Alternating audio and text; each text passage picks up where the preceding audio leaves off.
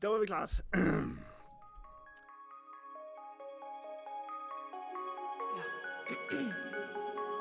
Ja. Du hører på Viten og snakkes, en podkast fra Oslo Nett. Velkommen til en ny episode av podkasten Viten og snakkes og godt nytt år. Kjersti, har du hatt en bra ferie? Ja, veldig, veldig, veldig bra. Er du klar for 2020? Eh, Ja, jo da, jeg er det. Det er litt tungt å starte, men eh, når eh, vi starter sånn som med dette her, så, er det jo, så blir jeg minnet på at jeg har en helt fantastisk jobb, og livet smiler, så dette skal bli bra. Så bra. Eh, altså, vi er tilbake. Vi har holdt på et, et halvt tiår med podkast, og vi har tenkt å fortsette et tiår til. Eh, og da er det så veldig fint altså når vi bikker liksom 2020, da tror jeg alle har sittet rundt på nyttårsafterfestene sine og tenkt tilbake på tiåret som gikk. Kjersti, hva er det første du tenker på da? Du jeg, jeg er jo sånn at jeg slutta å huske årstall sånn på 90-tallet en gang. Jeg, så at jeg, alt går bare i et stort surr for meg. Så at når jeg liksom mimrer om ting, så tenker jeg guri meg, var det Det var vel for tre år siden, og så var det for 15 år siden og sånn. Så jeg, ja.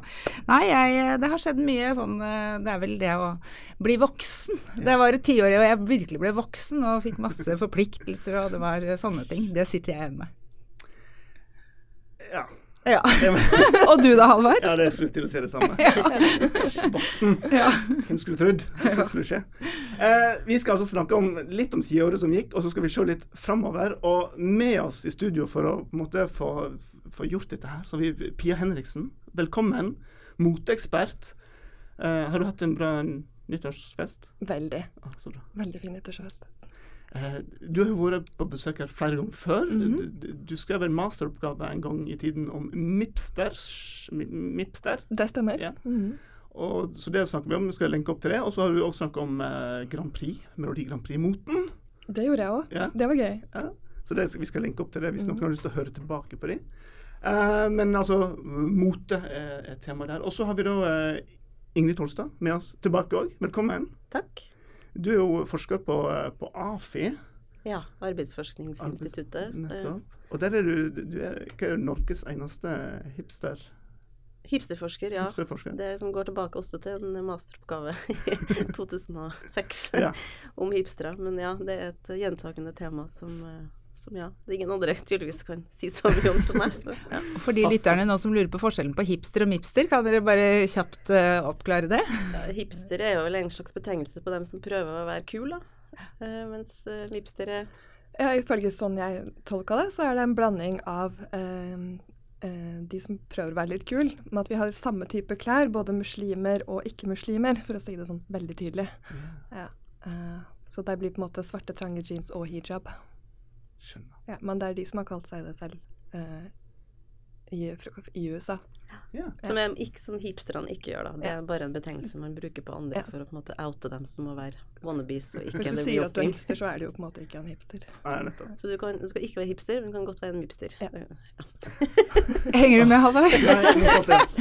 Men uh, igjen, altså, Ingrid, du har vært med før og, og snakket om det om å være kul. Eller det at vi ikke skulle tenke på at vi skulle være kule. Eller det, var, det Ja, gikk det er litt i ball for meg. Det er første, første The first rule er å ikke Det er ingenting som ødelegger kulhet mer enn the smell of effort.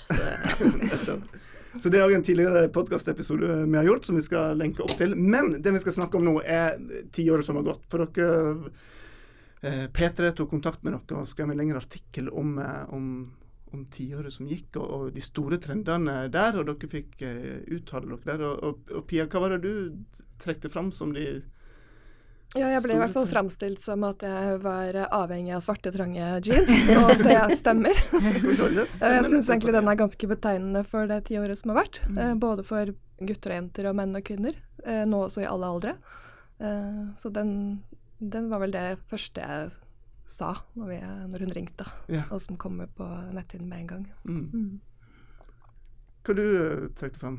Jeg må si jeg var bare litt sånn som Kjersti. Når jeg først ringte, så var jeg sånn «Åh, Hva har egentlig skjedd det siste tiåret? Så, ja, så jeg måtte liksom Så jeg ba om litt betenkningstid. Og så, så det jeg fokuserte litt mer på, var at jeg var kanskje med utgangspunkt i skjegget, da, som jo har vært en sånn eh, Helt siden jeg gjorde min masteroppgave i 2006, så har det vært sånn gryende hårvekst i ansiktet. Som liksom begynte litt forsiktig med evne og bart og litt Movember og sånn. Og så har det bare til slutt så var det helt sånn, sånn he, julenisse, helskjegg-ting, fordi man hele tida måtte liksom utfordre det. Så, så det tenker jeg at det, for meg var det et sånt uttrykk også for en sånn slags back to nature-tendens.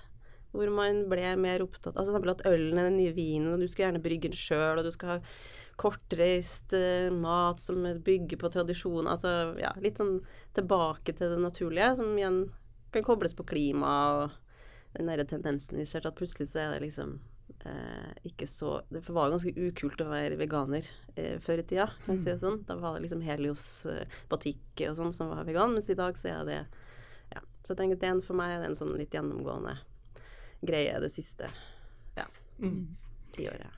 Ja, det skjegget, altså det er interessant. For eh, jeg tenker litt på det, jf. det du sa om at du ikke skal vise at du strever så veldig. Altså, ja, de er heldige de som da hadde anlegg for god skjeggvekst, da, men liksom, jeg har jo sett en del eksempler på de som kanskje ikke hadde fra naturens side sånn kjempeanlegg, og bare prøver desperat å få holde det skjegget.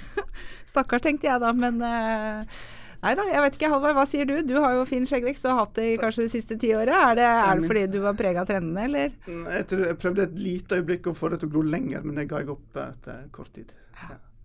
Men, men, når dere snakker om disse tingene her nå, så når du snakker om skjegg og, og, svarte jeans og, og sånne ting, så kjenner jeg med en gang at jeg, blir, jeg føler meg veldig gammel. Hvem er det gjelder disse her trendene dere snakker om? Det høres ut som det gjelder disse her 20-åringene.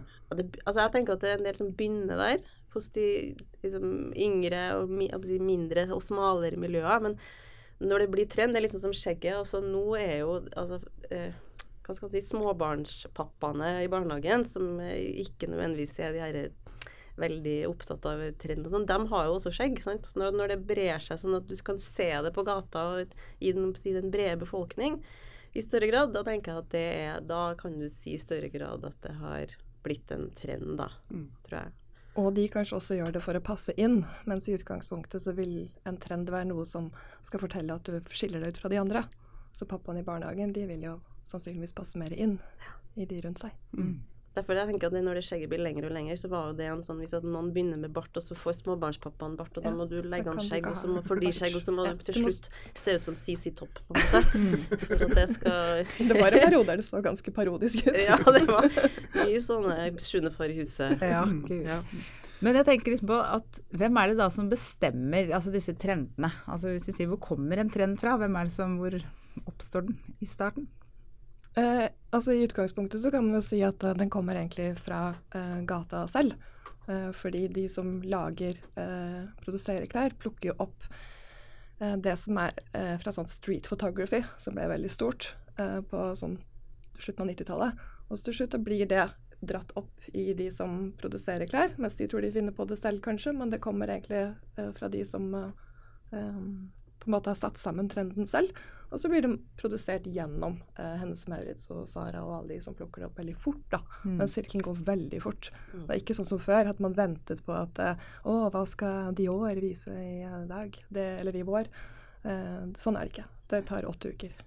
Mm. Jeg tror det er samme at det er i undergrunnsmiljøene. Og det er på en ja. måte ingen som hva skal si, det er ingen som, liksom best, ingen som setter seg ned og har et møte og sier sånn Nei, nå skal vi starte. Kanskje noen sånne kommunikasjonsbyråer eller noen tenker på sånne ting, men veldig ofte så er det jo folk som er si, litt på sida som jobber i kultur, eh, kunst, eh, musikkverden og sånn. Noen av dem som på en måte har som virke å tenke nye ting. De eh, begynner å gjøre noe egentlig. Og så er det noen andre som ikke Å, det var morsomt, og så kan man gjøre det. Og så er det selvfølgelig for dem også et problem når en smørhus plukker opp. Da. da må man kanskje mm. finne på noe nytt for å kunne skille seg ut, sånn som vi snakka om. Så det er en sånn Det er nettopp en sånn eh, Jeg prøvde å snakke om at eh, for meg er sånn forskjellen mellom kul og trend f.eks. handler om at kul handler om at noen dropper den derre Eh, steinen i vannet, og så går de her ringene i vannet utover. Og når de begynner å komme ganske langt ut, så her, det blir ganske synlig, da må noen begynne å finne en ny stein og kaste uti det. Mm. Ja. Så så fort, ja. Jeg bare tenker En viktig ting i det som har skjedd i det tiåret som har vært, det er jo sosiale medier. Mm. Som gjør at den eh, akselererer veldig veldig fort, den mm. sirkelen. Og det kommer vi ikke helt utenom, for alt blir på en måte endret etter eh, at det kom. Mm. Ja, det var det jeg tenkte litt på, ja, at ja. det må, altså, trender sprer seg raskere nå enn de gjorde før sosiale medier. eh, Ja. Men, også, så da kan jeg jo tenke sånn at så fort, altså sånn som du var inne på, når trendene har kommet til uh, småbarnsforeldrene, og småbarnsforeldre som er bare helt vanlige mennesker, ikke så veldig sånn utgangspunktet så kule, da er trenden på en måte ok, da må vi finne på noe nytt. Er Eller liksom- når mamma ga meg det. Ja, eller mamma. Ja, for det, vi var inne på litt på dette med alder, for det har jeg også lurt på. Er det liksom kun et fenomen, altså trender for unge mennesker, eller stopper det på et uh, bestemt tidspunkt? For at jeg har nemlig inntrykk av at altså hvis vi går virkelig langt tilbake i tid, så så jo alle menn ut akkurat likedan fra de var liksom 25 til de var eh, 80 nærmest. Altså de gikk i hatt og frakk, og det var liksom Ja. Men nå så, så er det jo nesten blitt eh, motsatt. For nå syns jeg alle, enten du er 60 eller du er 20, så går du i trange jeans og sneakers og, og skinnjakke eller ja, whatever. Alle kler seg nesten likt. Det er med dressen til den nye. Altså hettegenseren er jo den nye blazeren. Ja, det er jo nettopp det som skjer, da. Ja. Ja, den genera de generasjonene som begynte altså Det er jo ganske lenge siden hettegenseren kom. Så det er ikke noe rart at de som nå er 50, har med seg den, tenker jeg. Fra da, det er jo liksom På et eller annet tidspunkt så slutter man jo å følge med, og så er det U2 som er favorittbandet herfra ut. Liksom. Det, ja. Men ser dere noe på det, altså dette med alder, da? Er det på noe tidspunkt at man slutter å bry seg og følge med, eller at man tenker at liksom nei, nå må jeg begynne å kle meg liksom litt mer voksen til? Når er det Har tenkt noe på det? Jeg tenker det er litt yrkesavhengig òg, ja. Hvilket miljø man er i. Du kan jo ikke gå i hettegenser eh, i alle yrker. Nei, nei. Du må profesjonaliseres, ja. Og så tror jeg det tror jeg handler litt om det som snakker om, at det her var det tiåret man ble voksen. Det kjenner man jo på, på sjøl. Det er liksom eh, ikke alle Plutselig så har man kanskje ikke tida f.eks. til å bare sitte og bla i moteblader, eller sitte, hvis ikke jobben din er å ha en blogg, liksom, så skal du hente i barnehagen, og det er en del tid som forsvinner som du kunne ha brukt til å finne ut uh, hva trendene var, som plutselig må brukes på andre ting. da. Så jeg tenker at Det å etablere seg, det er jo liksom sånn Husker når vi snakka om hipstere, the aging hipster. altså Når du når et visst punkt og du bestemmer deg for å etablere deg og sånne ting, så ramler du på en måte Mm. litt av, da. Ja. Men så er det kanskje sånn hvis du har fulgt med litt i, si, opp gjennom ungdommen din, så, og du ikke har tid til det lenger, så har man vel en sånn der radar allikevel i ryggmargen som sier litt sånn hva er det som er sånn passelig Som hva er det jeg bør gjøre? passelig. Passelig Ja. kult og ikke, liksom. Ja. Men er det, syns dere da, hvis dere f.eks. møter en eh, eh, ja, en over 60-70-åring som går i hettegenser og, er det, og sneakers, er det greit? Ja, det spørs litt for meg, det altså. Ja, det, det spørs om det er noen hvis man prøver veldig hardt å være 20. Ja. Det merker man. Det kan være forskjellen på hvilken type hettegenser du går med, hva du utstråler ellers, da. Men i, i prinsippet så er jo det nettopp som du sier, det er, det er en del av deres naturlige eh, historie sånn eh, motemessig òg. Mm. Eh, men noen, hvis noen prøver veldig hardt å eh, liksom leve en sånn Gå på nattklubb, og, da kan det være litt kleint, da. Det Ja. synes jeg. Jeg syns egentlig det er ganske tøft. Og så tenker jeg at den alderen også går nedover. For hvis man ser på utvalget i eh, klesutvalget i butikkene, så er det likt fra du er åtte måneder Ja. til du er 70. Det Det er liksom den samme band-T-skjorta, den samme trange olabuksa. Ja, Eh, det er det samme boblejakka. Det er helt likt. det er sant, det. Men så du, da tror jeg ikke de har det med seg fra ganske tidlig, da. eh, hva som er eh, tilgjengelig. Men det er litt på det som påvirker disse trendene. F.eks. politikk. Storpolitikk, global politikk. Påvirker det motet? Selvfølgelig. På hva måte? Jeg tenker det aller største som har skjedd i det tiåret som har vært, og som kommer til å være veldig stort i det tiåret som kommer, er jo gjenbruk. Eh, mens altså det har vært stort med gjenbruk. Uh, at man skal bruke klærne om igjen, at man skal gi til Fretex, Uff eller hva det er, og vintage har blitt på en måte allemannseie. Um, fordi man ikke skal sette så stort avtrykk. Uh, alle er påvirket av det. Um, nå tror jeg kanskje at den trenden vil øke, men at det kommer til å bli mer type låning og leasing av klær, og Mm. ikke så mye kast.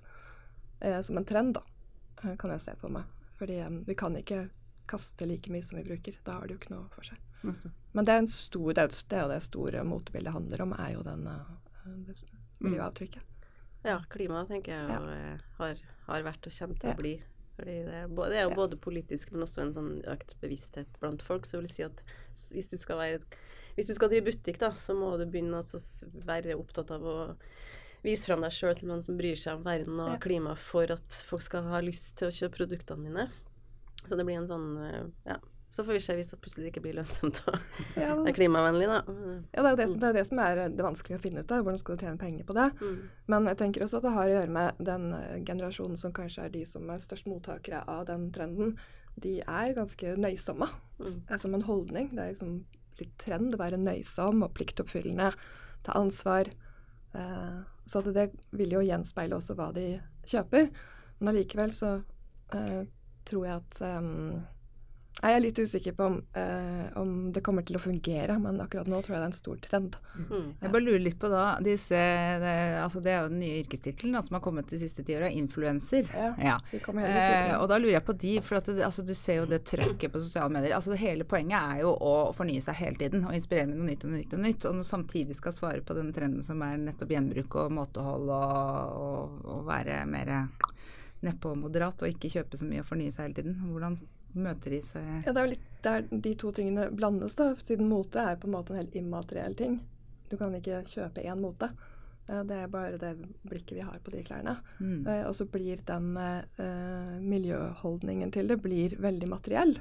Fordi klær gjør, eh, er fysisk, det tar utrolig stor plass, det forurenser masse. Med stor økonomi. Så det er her de to tingene blandes, da. Jeg er ikke helt sikker på utfallet, men det er da jeg tenker at man vil eh, komme frem til hvordan man er At man ikke jeg tror ikke det er lov, at det ikke er lov å kaste klær lenger. Mm. Ikke sant? At Hvis du selger klær, så må du på en måte også si jeg kan ta det imot når du har brukt det. Så kan jeg plukke det fra hverandre og bruke det på nytt. Eh, at det vil bli mer sånn, men profesjonalisert. da. Eh, ikke nødvendigvis den uff-boksen eller eh, eh, sende det til et annet land. Og Så tenker jeg at det, jeg synes det Apropos når du sier influensere, det er- for det er jo digitale plattformer. tenker jeg jo er sånn vi har sett veldig har kommet denne digitale utviklinga som nå går så fort, og så skal kunstig intelligens komme inn virkelig for fullt, og vi skal overtas av robotene, og alt blir The Matrix og sånn. Det er liksom sånn man ser for seg framtida. Eh, Så det kan man bli interessant å se hva som skjer på den fronten, men også i forhold til at teknologi fremstilles så mye som det som skal redde Altså som skal løse klimakrisen, da. Og det er også inn mot klær, ikke sant. Hvor skal du gjøre den derre smarte genseren din som ikke virker lenger? Ja, men jeg tror ikke genseren blir så smart. Nei. Jeg tror Nei. at, uh, at det er de som bruker den genseren, som, eller som lager den genseren, som må være smart med hvordan den skal brukes etterpå. Hvis man skal opprettholde en motesirkel, som det jo kommer til å fortsette å være, at man vil fornye seg og markere seg og fortelle tilhører, hvilken gruppe man tilhører, så må man jo bare, eh, hvis det blir skamfullt å kaste klær, så må man jo finne på noe annet med, den, med de tekstilene. Mm. Det er der jeg tenker den teknologien må ha en, eh, en ny funksjon. da. Ja, det tror jeg blir interessant, for det er jo, mye teknologi er jo ikke så veldig klimavennlig. Det er jo eh, ganske store avtrykk på, både på når vi bruker digitalt, altså eh, ting, men også avfallet fra det. Så hvordan man har tenkt hvordan det der bland, altså hvordan det der mikser seg sammen, og hvordan man finner de løsningene som inneholder begge deler, det tror jeg blir ganske interessant å se. Og det er jo liksom man sier med hva blir neste tiårets største trend? Antageligvis det er jo noen ting som vi ikke klarer å tenke på her og nå, så det blir ganske spennende sånn sett. Ja. Ja, for da lurer jeg på, hvis man skal bare driste seg litt inn i det, så ah, nå snakka vi akkurat om den influenserjobben, eller rollen, som har oppstått nå. Altså det er fryktelig, fryktelig mange av dem der ute. Kommer det til å, Tror dere at det kommer til å være like stort de neste ti åra? Å ha den Å å liksom kunne livnære seg av å være Så det har jo alltid det er jo, Jeg tenker at Influenserne er jo litt sånn nye det it Det var sånne it-girls eh, før også, sånn at det vil alltid være noen, tenker jeg, som er sånn Om det er popstjerner og filmstjerner eller sånne moteikoner eller bare sånne personligheter. Det vil jeg, tror jeg alltid det kommer til å være. Og så blir det litt spørsmål om hvordan det eh, Hva slags uttrykk det får, om det, om det å være influenser eh, får et- Altså det blir et annet uttrykk. eh, Det, og det jeg også er litt spent på, er jo nettopp at nå i forhold til her med sosiale medier som vi snakker om, og teknologien, så er det sånn man snakker om at privatlivet er dødt, for at alt vil være åpent for alle. Så når du er ute og deler deg sjøl i, i alle mulige plattformer, så får alle sånn veldig sånn tilgang til det. Og det kommer en sånn ny sånn influensertrend har jo også vært å vise fram den der baksida. Sånn er det egentlig. Se på meg uten sminke. Sånn er det helt naturlig. Så jeg er også litt sånn spent på om det kommer sånne motreaksjoner som handler om det. Som vi ser nå at folk vil ha sånn skal, skal ha digital de detox og mindfulness og alt det som handler om å vende seg innover og beskytte seg sjøl fra all den derre støyen som er i å være så synlig hele tida. Mm. Så det tenker jeg blir, kan bli interessant å se. For det er en sånn veldig dobbelthet i det med at vi skal være så åpne. sant? Du ser bare noe med Ari Behns selvmord og den der offentlige samtalen og man deler, og så er det noe positivt i det. Men så kan man si at det blir også sånn at plutselig så er alt det du har som er personlig og sårbart og sånne ting, så synlig at kanskje vi også får sånne behov for å ja, snu oss vekk fra det, da. Ja, det tenkte jeg på, for man føler liksom så mye sånn press på å skulle liksom være sitt beste seg i alle, alle kanter og retninger og se hverandre og være greie med hverandre. Og så til slutt så Hvor er jeg eh, oppi dette her? Ja. Ja, for jeg tenker Kanskje vi kommer til å avsløre de influenserne i det neste tiåret som en reklameplakat, som det egentlig er. For de har på en måte, Jeg syns det er stor forskjell på de og andre sånne popstjerner som har, eh, har hatt stor påvirkning. Eh, kunstnere, andre, andre uttrykk, da, som, hvor folk har faktisk lagd noe og gjort noe og produsert noe og vært innovative. Mens en influenser er en reklamefinansiert eh, levende plakat. Eh, og har på en måte ikke la laget noe i, i bunn, da. Mens de, jeg tenker at noen av de kan ha påvirkning som eh, kan være helt OK, sånn som hun der som nettopp har født det barnet og viser hvordan det er å egentlig få barn. Jeg vet ikke om jeg har fått med det, hun bloggeren. Sånne ting kan jo ha positiv eh, effekt, men jeg har ikke noe tro på at det er eh, de som kommer til å regjere på slutten av 2020-tallet.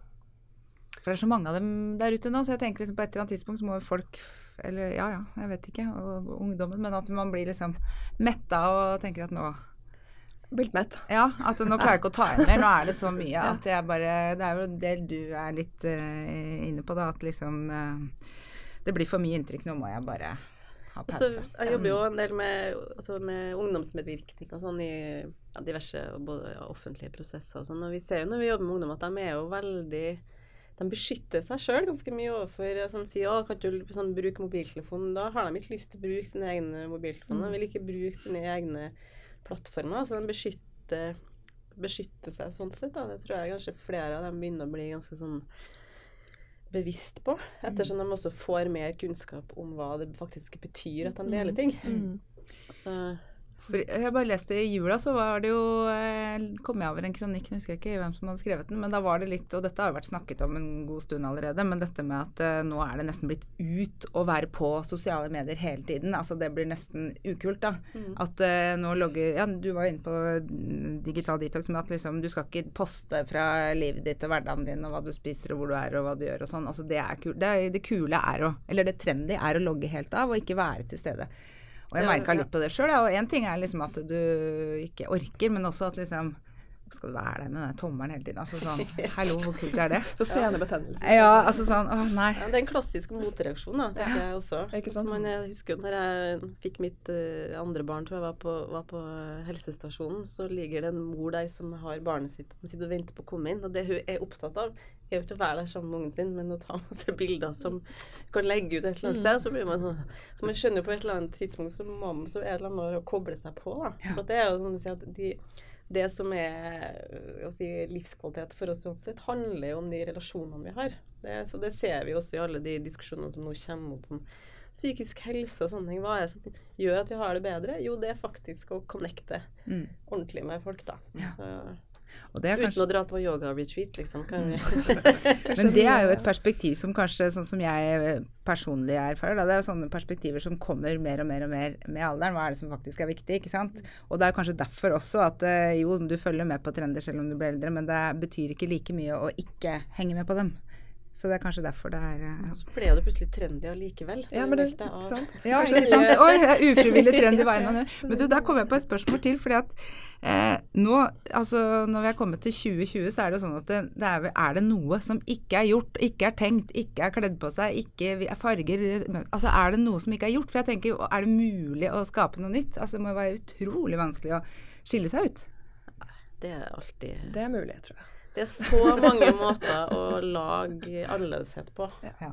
Det er jo å rekontekstualisere eller, eller sette sammen på nye måter. Og det her er det jo eh, Altså det vi snakker om også i forhold til eh, F.eks. når maskinene skal ta over da, og kunstig intelligens skal kunne gjøre alt, så er det jo noen ting de ikke kan gjøre. Og det er ene er jo å ha empati, er de ganske dårlige på. Og så er de dårlige på kritisk tenkning. Og det siste de er dårlige på, er jo å være kreativ. Og det er jo det folk er ganske gode på. Det er en veldig grunnleggende menneskelig kapasitet, egentlig. Og det er jo da noen, særlig sånn innenfor mote- og kulturfeltet, som nettopp har sånne hvor hele drivkraften nettopp handler om hvordan kan vi vri og utfordre på det som allerede fins. Og det, Innimellom er det ganske lett å gjøre, og innimellom så er det mer sånne tunge kunstneriske prosesser. Men her er det alt, folk som alltid klarer eh, å tenke nytt. Så det er ikke spesielt Jeg bare gleder meg. Sånn, en, jeg kjenner alltid en sånn begeistring for når folk gjør sånne helt sånn eh, rare, nye, morsomme ting. Det, åh, det er bare Av og til når man da blir eldre, så kan det være godt at det faktisk finnes folk som gjør det. Så jeg er ikke spesielt bekymra for det. Ja, det er godt å høre. Jeg tror ikke det heller. Jeg snakket akkurat med en jente som går i skoleuniform i Australia. Eh, 13 år. Det var kjempespennende å høre på hvordan de brukte eh, sokker og sekk for å fortelle hvor de tilhørte og hvem de var. Eh, og I Australia så er det fjellrevensekken som er det store, hvilken farge du har, i tillegg til uniformen din, og crazy socks. Så du vil alltid finne en måte å fortelle hvem du er. Eller vil være, da. Ikke hvem du er. Du, jeg tenkte på eh, Vi bor jo i et lite land her oppe i nord, og verden der ute er stor. Eh, men vi blir jo påvirka av andre kulturer og andre land. Hvordan blir det fremover nå? Er, er vi maksa ut på globaliseringen og har kontakt med hele verden, eller er det fortsatt eh, noen kulturer som står igjen og som kan påvirke oss eh, de neste ti åra? Nå skal vi jo reise mindre. Ja, Det, det er jo den nye reiselivstrenden, visstnok. er jo også miljø... Altså vi reise sånn på klimamessig. Så alle de store charteroperatørene de driver nå med klimakompensering av flyreisene dine når du drar til Kreta. Og sånne ting. Så det er jo en ting at vi på en måte kan si at ja, nei, norgesferie blir kanskje det nye i 2020. Vi har et, heldigvis et stort, langt land. Så det ene, Men samtidig så ser vi jo at vi blir jo også et mer mangfoldig samfunn. Og det ser man jo også at er den der ideen om at eh, det er en ting som er sånn veldig så si, iransk eller amerikansk eller norsk eller sånne ting, at de ideene om hva det er, er, blir jo mer mangfoldig. Og mangfold kommer jo også fram som en sånn ny skal si, en sånn, Vi ser en slags trend på det, da. At ting skal bli mer mangfoldig. Kulturlivet skal bli mer, mer mangfoldig. Eh, business skal bli mer mangfoldig, og ikke minst så er det jo lønnsomt og gøy, hvis man liksom gjør det på riktig måte. Så jeg tenker kanskje også at det handler delvis om eh, eh, å hente Altså se hvordan de ulike kulturelle impulsene eh, kan gi oss noe, men like mye hvordan det blandes, og hva det gjør at de, de møtene skjer, da. Eh, ja. Ja, jeg så et sånt, eh, et sånt bilde, det var jo i en eller annen feed selvfølgelig, eh, men da var det noen som hadde eh, skissert opp eh, bygninger, dette var snakk om arkitektur da, men uh, tatt for seg liksom typisk arkitektur for, uh, da var det fire storbyer i fire forskjellige verdensdeler, ikke sant? Det var europeisk, litt mer sånn Hansa-stil, og det var kinesiske hus, og så var det hvordan det så ut i, i nord, eller USA, ikke sant, I, for 100 år tilbake eller sånn. Og så var det fire nye bygg uh, i en storby i hver av disse verdensdelene. Per i dag så så alle like ut, for da var det skyskraperne. De hadde nesten glass og betong, og det var helt likt. Sånn at når, så jeg lurer litt på det der med å en ting er at når verden blir mindre, hopp å si, at man har tilgang på alt, så kan man la seg inspirere, men samtidig så blir jo kanskje folk likere og likere og likere, og det vi gjør, liker og likere. Så det blir, eller er det noe der? Eller jeg vet jo eh, f.eks. i eh, designutdanning så blir jo på en måte alle designskolene ganske like. Fordi man har de samme, fremhever de samme idolene, og man bruker de samme plattformene for å få informasjon. Så det er jo en diskusjon innenfor designutdanning, som jo lager det vi har rundt oss, at um, Hvorfor gjør vi ikke mer eh, nasjonal markering i forhold til liksom, Hvis du drar til den skolen, så blir du litt sånn som det. Hvis du drar til den skolen, så blir du påvirka av det. Og der er vi ikke nå, for det har vært helt motsatt. Det har vært at det skal bli ganske likt. Så om du går på skole i Norge eller i USA eller hvordan det er, det er ikke så stor forskjell. Så det kan jo hende at det kommer en motreaksjon til det. Selv sånne ting som Snøhetta, de har jo vært og laga ting over hele verden, selv om de på en måte er liksom sånn norsk. Så jeg Ja. tenker at det er et eller annet med at de nyansene som finnes, må man være veldig godt trent for å se hva, hvor de forskjellene ligger, da. I mye større grad. Sånn at det kan se veldig likt ut. Nå tenker jeg også at arkitekturen og ja, byutvikling og sånne ting har også blitt et veldig sånn felt som skal være med å løse klimakrisen. Så der skjer det kanskje mye også en del på sånn funksjonalitet. Altså du skal drive med urban gardening, du skal ha sånne eh, nullutslippshus, du skal Ja, altså, sånne ting som skjer på den fronten der, da. Um, tenker jeg. Så det blir jo Men uh, og så sier man jo nettopp at det, mange av de tingene du peker på der, det er også det som kalles for signalbygg, som mener fortsatt at de har en eller annen slags Som står ute i landskapet på en eller annen måte, men så ser de bare Det sånne signal som snakker med hverandre da, over hele verden. Så ja, jeg tenker det Vi kanskje snøheter oss uh, Kanskje Snøheter rett og slett må redefinere seg sjøl i ja, Eller kanskje 2020. Eh, Ingrid og Pia, vi må, vi må snart runde av her, men jeg lurer på en, en siste ting. Er at, eh, altså, sånn som jeg oppfatter det, så begynte tiåret, eh, som vi nettopp har forlatt, eh, veldig med en sånn veldig positiv holdning. Teknologien skulle redde oss, sosiale medier kom, alle skulle bli knyttet sammen. Og så endte vi opp med en mer pessimistisk eh, holdning. Miljøet bryter sammen, teknologien jobber imot oss, jobber imot demokratiet, og Trump ble valgt, og alle, og brexit og alt. Sånt, Og vi får det sånn- kanskje ikke så bra med oss sjøl lenger heller. Nei. Nettopp. Så fra positivt kanskje til litt sånn pessimistisk. Hvordan ser dere de neste tiåra her? Er dette bølgedalene som vi skal leve med? Jeg tror nok vi har noen uh, veldig uh, veldig reelle utfordringer foran oss. Uh, og så er det klart at det er skremmende med den polariseringa man ser. For man sier at ja, det er en trend at man skal være mer miljøvennlig og sånn, men vi har jo også en annen motgående trend som heter klimafornektelse og høyreekstreme og som, som på en måte ikke er så opptatt av nettopp de verdiene. Da. Sånn at jeg tenker det blir tenker det blir interessant å se om vi får noen sånne veldig store eh, motsetninger som, som drar seg ut i store konflikter. og Det kan man jo bli søvnløs av å tenke på. Eh, Eller så kan det jo hende at eh, Ja, jeg er i hvert fall veldig sånn eh, jeg tenker, det jeg kanskje tenker mest på delvis, er jo hva de reelle Sånn som vi ser nå i Australia med de store skogbrannene. Sånn, hva vil være de herre Hva vil være de herre eh, miljømessige eller klimamessige konsekvensene som vi plutselig ser i større grad, og hva gjør det? For det kan jo både gjøre at at uh, man tenker å, nå må vi gjøre noe. Det kan, eh, men samtidig som det jo blir nettopp mer knapphet på ressurser. og sånt. Det kan bli mer konflikt, og folk må flykte. sånn at det ligger en sånn dobbelthet i det hele tida. Og det kan man jo Det var så trist at vi måtte ende på sånn Ja, men hva blir, hva blir, det, hva blir opprøret? Ikke Ja, hva blir opprøret? Fordi nå er på en måte opprøret er miljø. Eh, så hva blir opprøret? Blir det å logge seg helt av og bli apatisk, eller blir det å ta handling? Det blir så å bli survivalist, tror jeg. Det skjegget det bare blir sånn Det blir sånn, det går inn i en sånn derre Nå skal alle Man må ha sånn beredskapslager og ha sånn bunkers i kjelleren og alle. Every Men da, man da blir man jo bare til slutt helt dekadent, og så tar man på seg lange kjoler og røyker og drikker. Åh, det, ja, kan vi, da blir det 2030. Det er nyttårsfesten. Den blir det det. dekadent og herlig. 2020 blir nye 20, 1920. Ja. Men, går du inn i tiåret som pessimist eller optimist? Eh, jeg er jo optimist. Ja, Ja, så inni meg.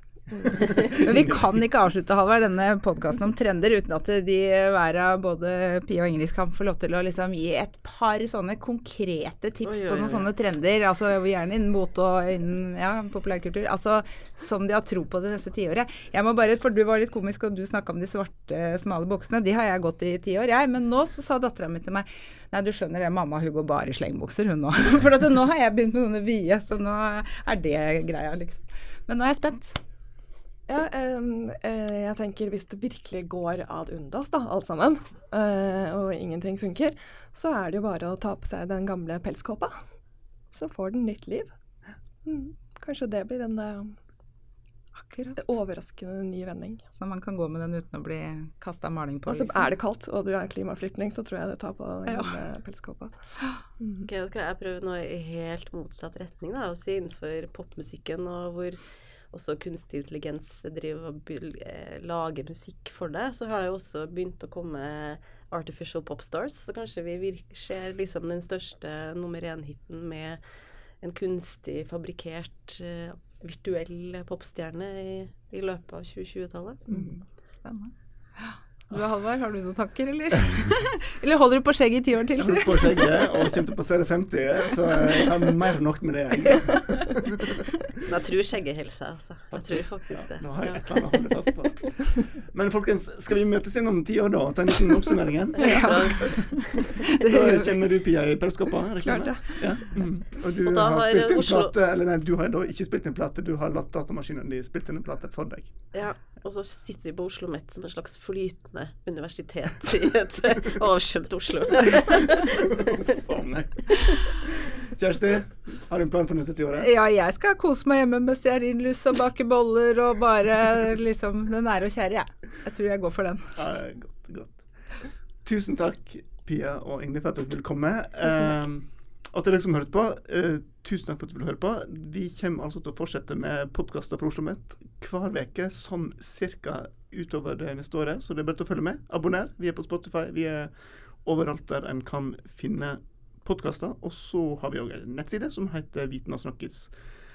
Uh, .oslomet.no, eh, og der eh, finner du bilder av våre kjære gjester gjemt bak de nye akustikkplatene våre, og uh, lenke til tidligere episoder og det de har sagt og gjort. Så med det Godt nyttår.